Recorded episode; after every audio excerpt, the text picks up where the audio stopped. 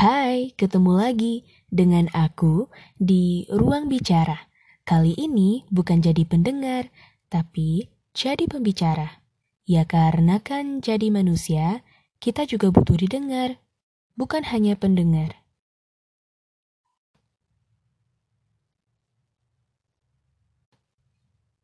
Perjalanan yang paling indah adalah perjalanan menuju Allah. Ya Allah, Aku pulang. Jauh kita berjalan, menyusuri kehidupan ini, melewati berbagai badai, menemui berbagai pilihan. Dan pada satu waktu, kita pasti akan menemui titik jenuh. Badan terasa kuat, tapi hati begitu rapuh. Begitupun sebaliknya. Rasanya kita ingin pulang, hanya saja tak tahu akan ke mana. Termenung, dan hilang arah. Maka dari itu, podcast kali ini aku bacain buku dari Alfi Al-Ghazi yang berjudul Ya Allah, Aku Pulang. Yang semoga dapat membawa kita menuju kepulangan yang sesungguhnya. Karena dari setiap sepenggal kata yang dituliskan oleh Alfi Al-Ghazi ini, sedikit banyaknya akan mampu membawa kita untuk berpikir lebih jernih tentang kepulangan yang sesungguhnya. Jadi, selamat menikmati hidangan aksara yang sederhana ini. Selamat mendengarkan. Kita sama-sama tahu bahwa orang-orang tetap tak akan pernah sepenuhnya mampu memahami keriuhan yang ada di kepala kita. Tentang orang tua yang meragukan impian kita, tentang lingkungan yang terus-menerus merendahkan, tentang kekhawatiranmu pada diri sendiri, usia semakin bertambah, tapi masih saja belum menghasilkan apa-apa. Ingin pulang, tapi tak tahu ke mana. Rindu suatu tempat yang benar-benar bisa menerima, tanpa mencela, tanpa membiuskan rasa putus asa, membuat diri bisa berdamai seutuhnya dengan segala kekurangan yang ada. Tak apa-apa mengalami kegagalan, tidak apa-apa menumpahkan air mata, tidak apa-apa, sungguh tidak apa-apa. Asal kita bukan menyerah. Dalam hidup, setiap manusia telah memiliki lajurnya masing-masing, dengan dimensi yang panjang yang berbeda-beda ia bukan sesuatu yang harus ditempuh, maka baru akan mendekati garis akhirnya. Tidak begitu. Sebab, meski seseorang memilih berdiam diri sekalipun, sikapnya tetap akan mengantarkannya kepada penghujung lajurnya. Jadi nih, bagi kita yang merasa kayak ketertinggalan jauh banget dengan teman-teman di sekeliling kita, merasa kok hidup gue flat-flat aja, hidup gue kok gini-gini aja, gak ada kemajuannya. Sedangkan kita lihat teman-teman kita yang sepertinya dia benar-benar menguasai hidupnya. Dia benar-benar menikmati segala proses kehidupannya. Bersenang-senang, bahagia. Dan kita di sini berdiam diri sendiri meratapi perjalanan hidup yang kita lihat itu hanya seperti hal yang monoton.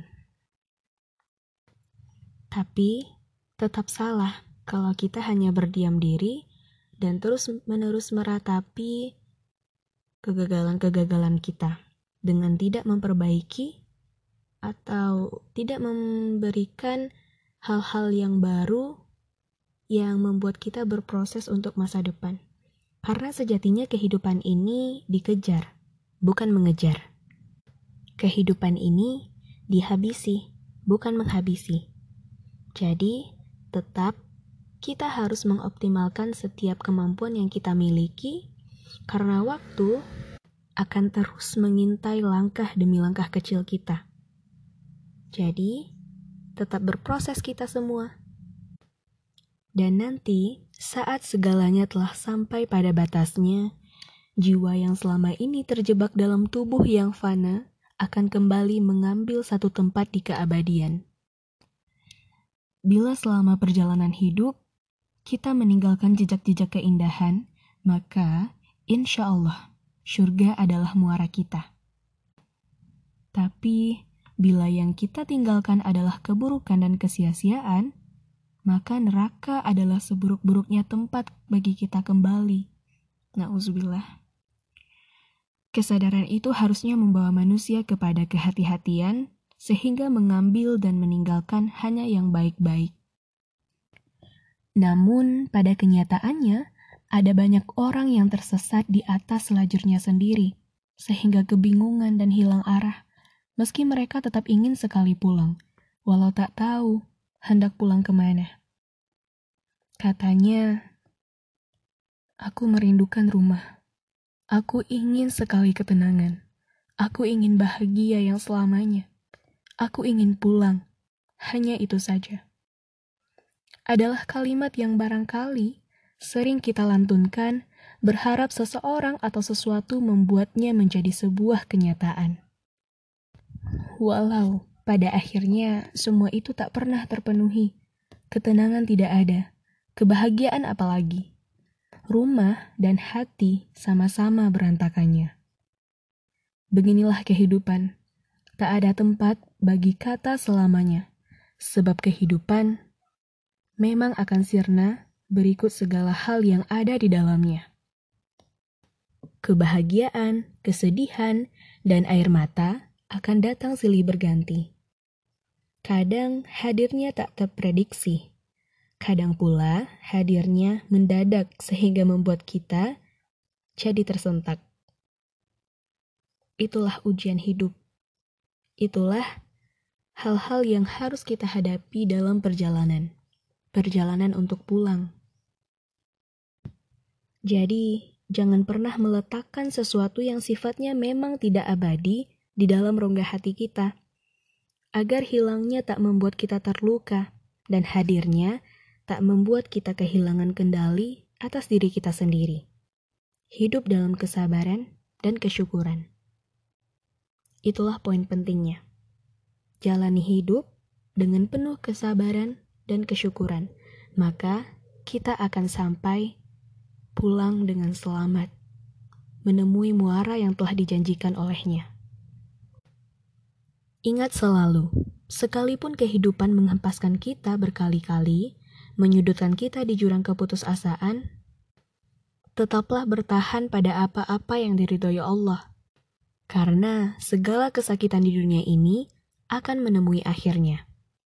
Dan yang tersisa adalah pertanggungjawaban kita. Nah, teman-teman, itulah chapter 1 dari buku karya Alfi Al-Ghazi yang Masya Allah indah banget kata-kata di dalamnya, yang sangat relate dengan kehidupan kita. Dan mari terus melangkah bersamaku di ruang bicara menyusuri setapak demi setapak jalan pencarian diri, selembar demi selembar. Bacaan dari buku ini, semoga kita bisa temukan apa yang kita cari. Atau paling tidak, kita akan mengerti bagaimana sejatinya kehidupan ini lewat buku Alfi Al-Ghazi yang judulnya Ya Allah, Aku Pulang.